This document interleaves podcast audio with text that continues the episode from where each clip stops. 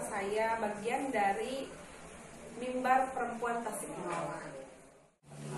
Saya saya berasal dari Tasikmalaya. Kalau aktivitas sekarang, kebetulan saya juga ikut kontribusi dalam dunia pendidikan. Saya sebagai guru di salah satu SMA di Kabupaten Tasikmalaya dan juga selain itu saya juga bergabung di Koalisi Mahasiswa dan Rakyat Tasikmalaya itu adalah organisasi yang ada di Kabupaten Tasikmalaya dan juga kebetulan biasa eh, ada bisnis-bisnis kecil juga gitu menjalani sambil mencari eh, nanti buat. Assalamualaikum warahmatullahi wabarakatuh. Selamat malam teman-teman semua. Kembali lagi dalam sebuah acara. Kita namakan acara ini adalah Ruang Kisah Sebuah konten video yang seperti biasa kita hadirkan untuk Anda semua. Saya barangkali secara pribadi mewakili teman-teman Muslim Reporters dari Tasikmalaya Oke teman-teman, malam ini kita hadir di sebuah tempat yang cukup menghangatkan suasana di tengah suasana dingin Tasikmalaya di luar sana. Kita ada di sebuah tempat bernama Balapan Coffee Shop. Ini merupakan sebuah tempat sentra kopi lokal yang ada di Tasikmalaya. Untuk anda yang berkunjung ke Tasikmalaya, silahkan mampir ke sini karena di sini sangat unik lain dari kedai kopi lainnya. Nah, Teman-teman di Balapan Coffee Shop ini memiliki koleksi kopi-kopi lokal khas Tasikmalaya. Contohnya yang ada di depan saya nih. Ini adalah eh, kopi Patani. Ini merupakan kopi lokal khas Tasikmalaya yang berasal dari Kecamatan Belisari. Kita punya beberapa kopi lokal khas Tasikmalaya yang sengaja dihadirkan di sini sebagai sentra kopi lokal khas Tasikmalaya yang dihadirkan dari beberapa kecamatan di Tasik. Oke teman-teman kembali dalam tema malam hari ini yang kita bahas adalah kekerasan seksual. Bersama saya telah hadir dua narasumber yang luar biasa,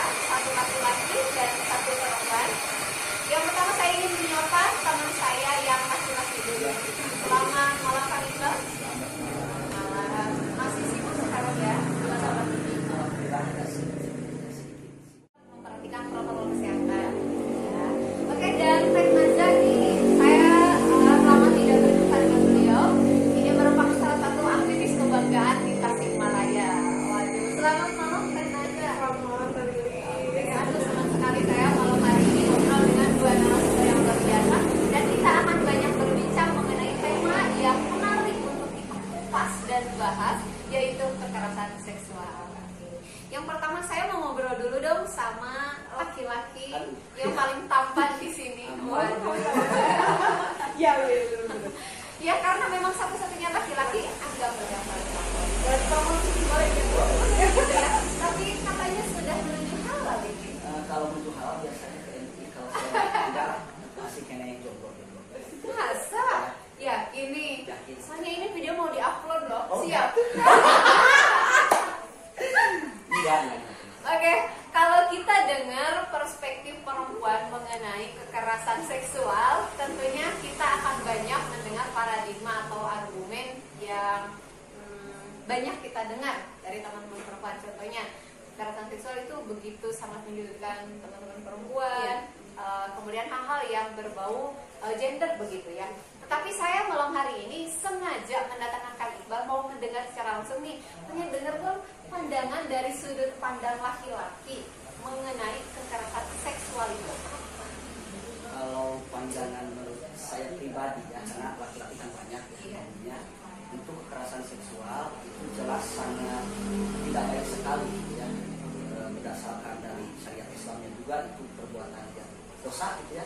Apalagi kalau menurut hukum dan yang lainnya.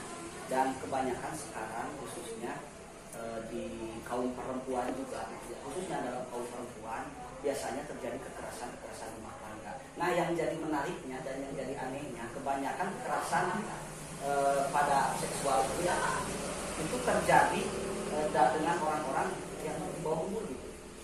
Miris sekali di bawah umur mungkin karena faktor pergaulan juga bisa jadi ataupun faktor-faktor yang lainnya kan sekarang eh, bocah SMP juga sudah tahu pacaran atau gimana gitu ya. Atau pergaulannya anak SMA kemarin itu saya eh, ada di berita eh, kemarin itu saya lihat di berita. Ada kasus perempuan 16 tahun itu digilir oleh 17 orang dewasa. Dikarenakan mereka itu biasa berteman gitu dari dulunya berteman biasa bergaul sehingga mungkin namanya kalau laki-laki bilang itu viral sekali di TikTok gitu. Baru-baru ini bisa dicek. Oke, ini ini mantap loh teman-teman. Jadi yang namanya guru gen milenial tuh kayak gini, Iya, TikTok kan loh. Jadi tahu aja ya yang paling Iya, betul lah lewat itu tahu aja nih. Tapi by the way memang Kang Iqbal ini salah satu tenaga pengajar juga ya di di Kabupaten Tasik. di Kabupaten Tasik. Jadi pastinya setiap hari kenal aja dengan kegiatan-kegiatan uh, para pelajar seusia SMA ya. Begitu bagaimana pergaulan mereka. ya sedikit tahu lah mungkin kan guru harus mengetahui dari kegiatan baik di internalnya ataupun di luarnya juga harus tahu Ngeri juga sih kalau dengar kayak gitu, apalagi kalau nonton berita, kita kadang-kadang eh, banyak ngeri. Lihat berita tuh antara butuh informasi, ya, tapi kalau menyaksikan kasus-kasus gitu tuh ikut kita takutin. Karena saya sebagai perempuan, perempuan ngeri.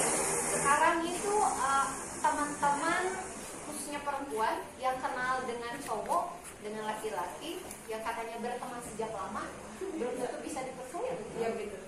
Ngeri juga ya Siapa pun gitu. siapa Bisa. kalau bicara soal sudut pandang laki-laki ini mengenai kekerasan seksual Iya. katanya banyak korbannya itu perempuan ya gitu ya kebanyakan perempuan dan marak terjadi dimulai dari Bahwa mungkin karena faktor pergaulan juga bisa jadi ataupun faktor-faktor yang lainnya kan sekarang eh, bocah SMP juga sudah tahu pacaran atau gimana gitu ya. Atau pergaulannya anak SMA kemarin itu saya eh, ada di berita eh, kemarin itu saya pernah di berita. Ada kasus perempuan 16 tahun itu digilir oleh 17 orang dewasa. Dikarenakan mereka itu biasa berteman gitu dari dulunya berteman biasa bergaul. Sehingga mungkin namanya kalau laki-laki bilang itu viral sekali. Baru-baru ini bisa dicek. Oke, ini ini mantap loh teman-teman. Jadi yang namanya guru gen milenial tuh kayak gini, Iya, TikTok kan loh. Jadi tahu aja ya yang Iya, paling betul lah lewat itu tahu aja nih. Tapi by the way memang Kang Iqbal ini salah satu tenaga pengajar juga ya di di Kabupaten Tasik. Di Kabupaten Tasik. Jadi pastinya setiap hari kenal aja dengan kegiatan-kegiatan uh, para pelajar seusia SMA ya. yes Tahu begitu bagaimana pergaulan mereka. ya sedikit tahu lah mungkin kan guru harus mengetahui dari kegiatan baik di internalnya ataupun di luarnya juga harus tahu Ngeri juga sih kalau dengar kayak gitu, apalagi kalau nonton berita, kita kadang-kadang eh, banyak ngeri. Lihat berita tuh antara butuh informasi, ya, tapi kalau menyaksikan kasus-kasus gitu tuh ikut kita takutin. Karena saya sebagai perempuan, perempuan ngeri. Sekarang itu eh, teman-teman khususnya perempuan yang kenal dengan cowok dengan laki-laki yang katanya berteman sejak lama belum tentu bisa dipercaya Iya gitu. Ngeri juga ya Siapa pun gitu. siapa Bisa. kalau bicara soal sudut pandang laki-laki ini mengenai kekerasan seksual Iya. katanya banyak korbannya itu perempuan ya gitu ya kebanyakan perempuan dan marak terjadi dimulai dari jadi kalau menurut Teteh gimana untuk jenis-jenis kekerasan seksual sendiri Iya. Kan kita di masyarakat juga berkembang bahwa memang eh, yang terkenal itu kekerasan secara seksual itu adalah kekerasan yang ada sentuhannya gitu. Sebetulnya non verbal. Padahal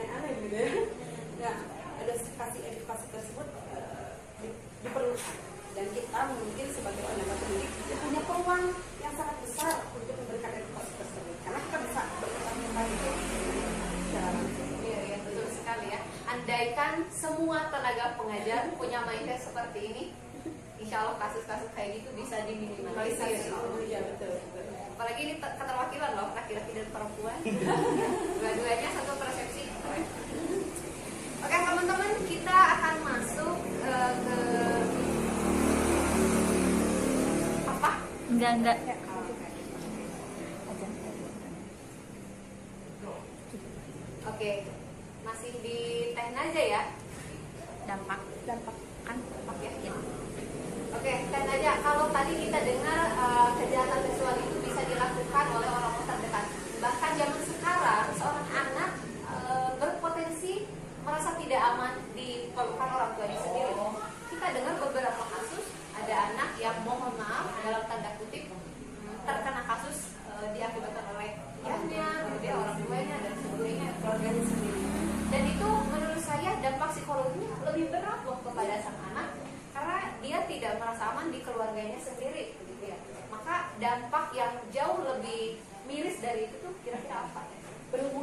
dengan psikis gitu. Kalau misalnya secara fisik itu bisa ditutupi ya. Kegiatan seksual itu kan tidak hanya misalnya organ intimnya dirusak itu sehingga ada luka tidak begitu ya. Tapi maksudnya dinikmati pada dipaksa untuk dinikmati begitu kan.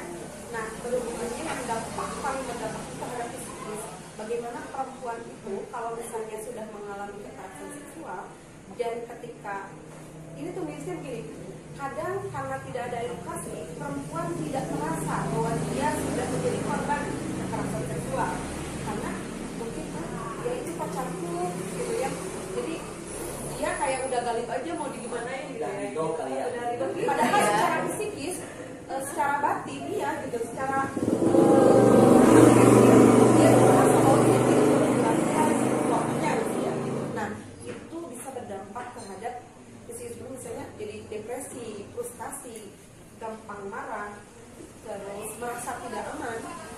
merasa terhina gitu. Dan ini kan apa ya perempuan itu kalau mau mengungkapkan bahwa dia itu mendapatkan sebuah kekerasan seksual itu yang dibebani itu malu. Malu takut malu begitu. Itu bagi yang belum menikah. Yang sudah menikah pun dia merasa bahwa ketika dia meminta perlindungan terhadap orang lain maka merasa membuka air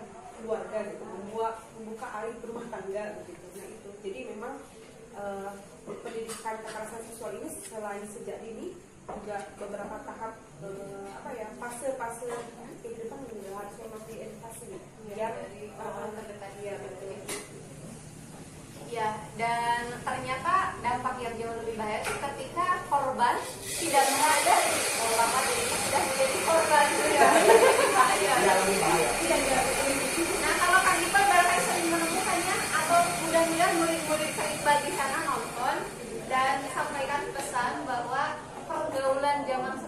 bahaya juga kalau tadi kata Teh Naja ketika perempuan menjadi korban sebenarnya hati kecilnya itu merasa kalau dia itu melakukan hal yang salah. Tapi barangkali ditutupi oleh rasa cinta. Cinta buta. Kalau bahasa anak zaman sekarang tuh bucin katanya. Itu cinta. Sebenarnya barangkali hati kecilnya menyadari bahwa hal tersebut yang mereka lakukan tidaklah baik. Tetapi karena ditutupi cinta begitu ya. Atau misalnya di apa ya dirayu gitu Ya, digombalin. gitu Ya, ya. bisa jadi pernah. Pernah menggombal ahli jangan-jangan ini. Bisa. Ya, jadi gimana dong seharusnya no? Ah, teman-teman para pelajar di sana yang dalam tanda kutip zaman sekarang tuh banyak yang menjalin hubungan dekat dengan lawan jenis sebaiknya seperti apa? Karena kalau dalam dunia pendidikan juga ya tadi betul kata bahwa itu tidak hanya mengajarkan teori tapi kita mengajarkan tentang etika dan lainnya Eh, contohnya kita kan eh, dalam beberapa aspek dalam pendidikan ada aspek kognitif, afektif dan psikomotor gitu ya. Ada kognitif kognitif ilmu pengetahuan terus afektif itu adalah attitude etika itu psikomotor actionnya gitu ya, kalau kalau. Nah, eh, pertanyaan yang tadi, memang pada dasarnya perempuan itu kan eh, merasa ketika ada sesuatu ada laki-laki yang mereka kagumi, lalu eh, laki-laki itu sadar akan dikaguminya sehingga berpacaran lagi, maka salah satunya. Tapi karena memang zaman sekarang itu memang zaman yang udah kita tahu bagaimana gitu ya. Jadi itu kan salah satu faktornya adalah bagaimana eh, pakaian minim ini sangat menunjang dan kemudian pakaian tidak minim pun bagi laki-laki yang memang belang gitu ya itu udah udah udah apa ya mereka tuh bisa menggunakan imajinasi kotornya atau yang disebut omesnya gitu ya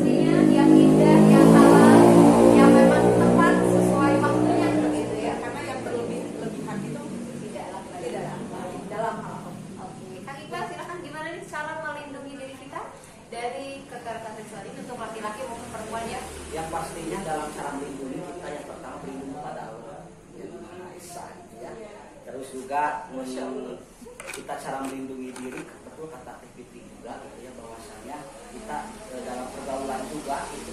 Terus dalam cara berpakaian dan dalam yang ini-ini nah itu terus gitu. mendengarkan ataupun eh, ya mendengarkan edukasi-edukasi gitu ya tentang apa sih bahayanya kekerasan seksual apa sih yang mengundang kekerasan seksual? Seperti itu kalau menurut saya itu. Jadi batasi diri kita untuk segala hal yang negatif begitu. ya. ya salah satunya Dan memang dengan berpakaian yang sopan saja tidak mengundang-undang gitu kemudian penuhi juga diri kita dengan atmosfer positif gitu. Ya, kayak lingkungan yang positif baca-baca yang positif konten-konten di sosial media pun cari-cari yang positif lah. Ya soalnya sekarang kan zaman sosial media itu ada TikTok ada yang lain itu mengundang sekali. Benar sekali ya? Mohon maaf ya disebut. Gak apa-apa. Ya. Nanti di sensor aja ya. Oke, closing statement dari kedua narasumber kita barangkali ada pesan yang ingin disampaikan baik laki-laki ataupun perempuan, baik pelaku maupun korban. Oke, bagi untuk khusus kekerasan seksual terhadap laki-laki atau perempuan, kita sebagai insan manusia harus eh, terus berhati-hati, harus terus waspada.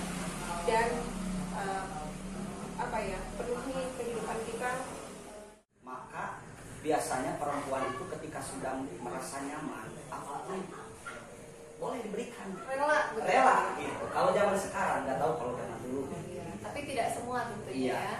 ya betul. Dan juga untuk anak-anak ya di ataupun peserta didik di sekolah-sekolah baik SMA, SMP atau bahkan SD juga ada yang sudah pacar gitu ya. Terus di balik di balik eh, dalam sosial media itu ada konten-konten yang eh, lebih kepada negatif. Ya misalkan video-video porno yang tersebut saja dan yang lainnya ya.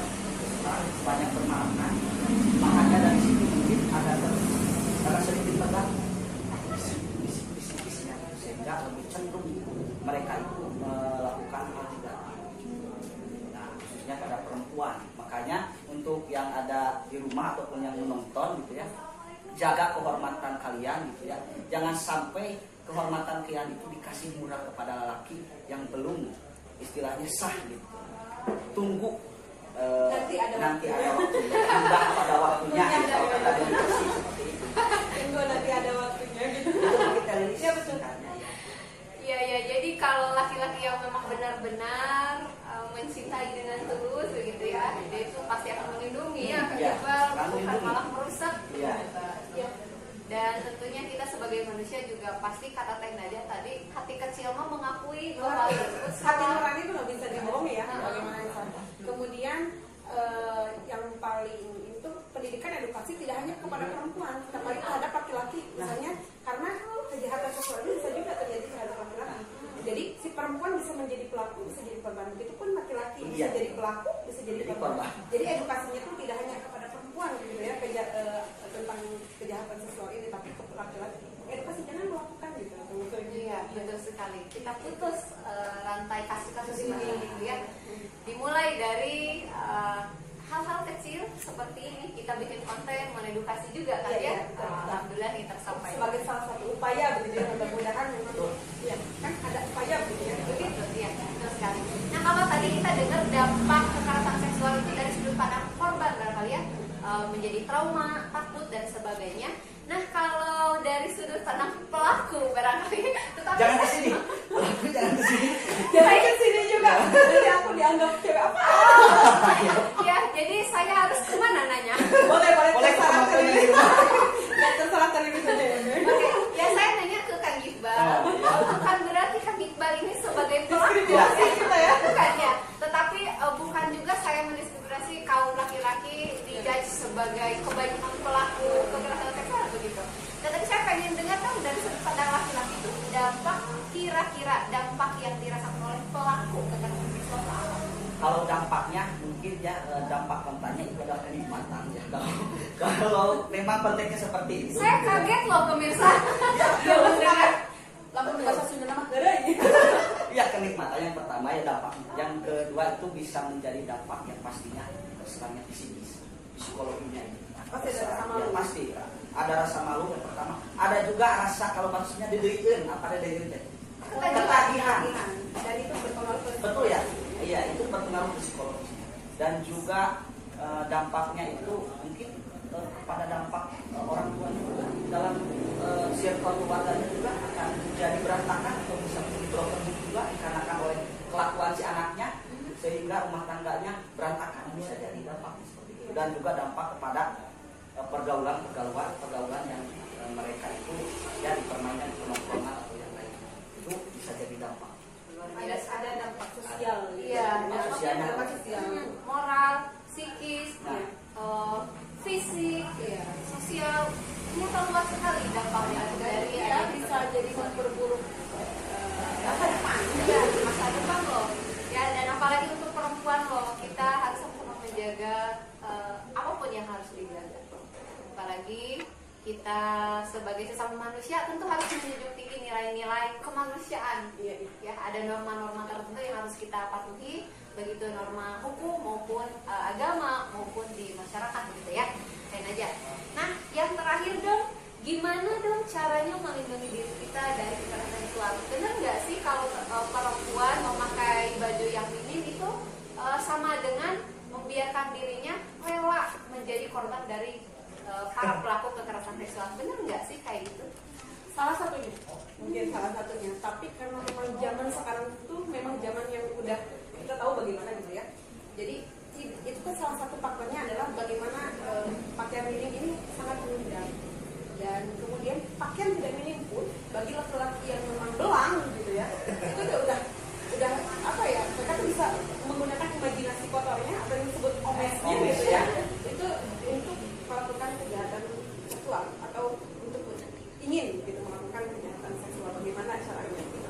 Nah untuk perempuan eh, atau ataupun laki-laki yang paling penting adalah bagaimana kita berhati-hati kemudian apa ya, harus cerdas tidak jangan apa ya dibodohi gitu.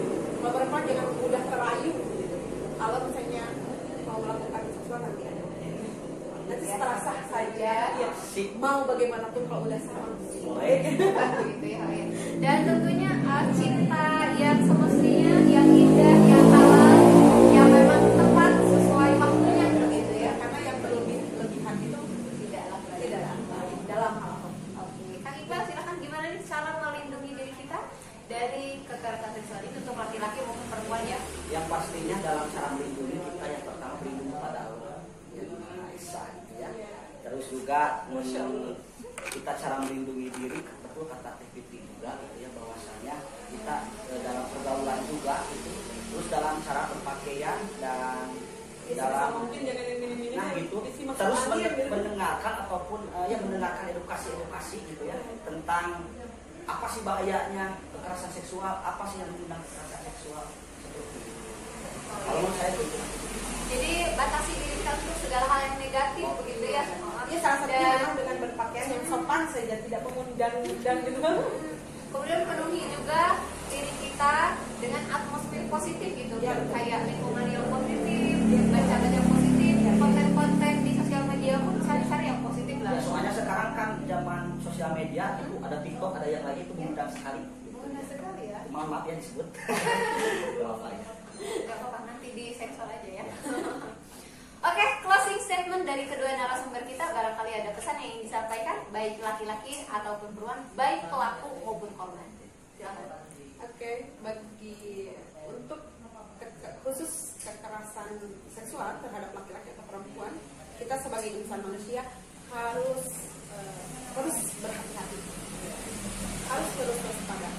Dan eh, apa ya penuhi kehidupan kita eh, salah satunya. Tapi karena memang zaman sekarang itu memang zaman yang udah kita tahu bagaimana gitu ya.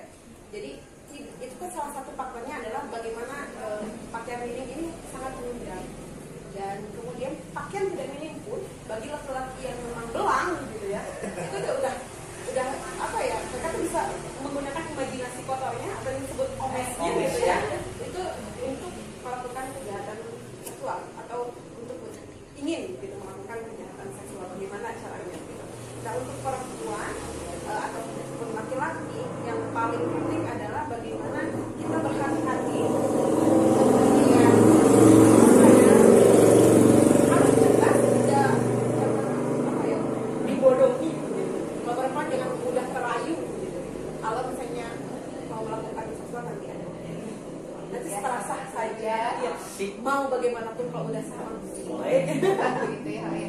Dan tentunya uh, cinta yang semestinya yang indah, yang halal, yang memang tepat sesuai waktunya begitu ya. ya karena yang berlebih lebihan itu Tidaklah baik. tidak baik dalam hal Oke, Kang Iqbal silakan gimana nih cara melindungi diri kita dari kekerasan seksual ini untuk laki-laki maupun perempuan ya? yang pastinya dalam cara melindungi kita yang pertama berlindung pada Allah yang Maha Esa gitu ya terus juga mm, kita cara melindungi diri betul kata TPP juga gitu ya bahwasanya kita eh, dalam pergaulan juga gitu terus dalam cara berpakaian dan dalam mungkin jangan ini-ini nah gitu masa terus men- gitu. mendengarkan ataupun eh, ya mendengarkan edukasi-edukasi gitu ya tentang apa sih bahayanya kekerasan seksual apa sih yang mengundang kekerasan seksual seperti itu kalau menurut saya itu Jadi batasi diri kita untuk segala hal yang negatif begitu ya? Ya salah satunya memang dengan berpakaian yang sopan saja tidak mengundang-undang gitu kan kemudian penuhi juga diri kita dengan atmosfer positif gitu, Ya, betul. kayak lingkungan yang positif, baca-baca yang positif, konten-konten di sosial media pun cari-cari yang positif lah. ya soalnya sekarang kan zaman sosial media itu ada TikTok ada yang lagi itu mengundang sekali Benar sekali ya. mohon maaf ya disebut Gak apa ya Gak apa-apa nanti di sensor aja ya. Oke, closing statement dari kedua narasumber kita ada pesan yang ingin disampaikan baik laki-laki ataupun perempuan, baik pelaku maupun korban. Oke, bagi untuk ke- ke- khusus kekerasan seksual terhadap laki-laki atau perempuan, kita sebagai insan manusia harus eh, terus berhati-hati, harus terus waspada dan eh,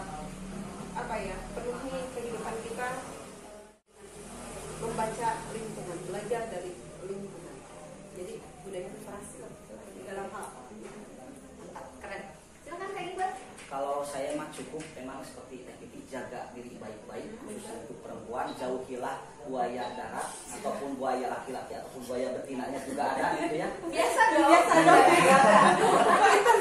ya. Pokoknya jangan diri dikarenakan zaman sekarang udah mulai genting. Makanya untuk perempuan jagalah diri baik-baik. Untuk jodohku di sana juga.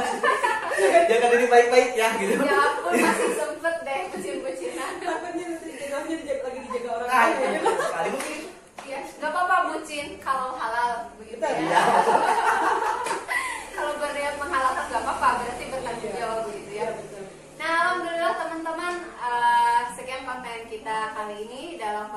Ruang Kisah. Senang sekali saya mengobrol dengan dua narasumber yang luar biasa, milenial banget pokoknya ya. Ini tuh kedua tenaga pengajar yang kesibukannya sekaligus sebagai pengusaha, sebagai aktivis kemanusiaan juga, aktivis anti korupsi juga. Pokoknya banyak hal yang mereka pegang sehingga eh, sengaja mereka berdua ini saya hadirkan di podcast Ruang Kisah. Terima kasih, saya Lili Tasya dari Tasikmalaya mengucapkan selamat malam untuk teman-teman. Tetap jaga diri, hindari kekerasan seksual, jangan mau jadi korban, apalagi menjadi pelaku. Wassalamualaikum warahmatullahi wabarakatuh.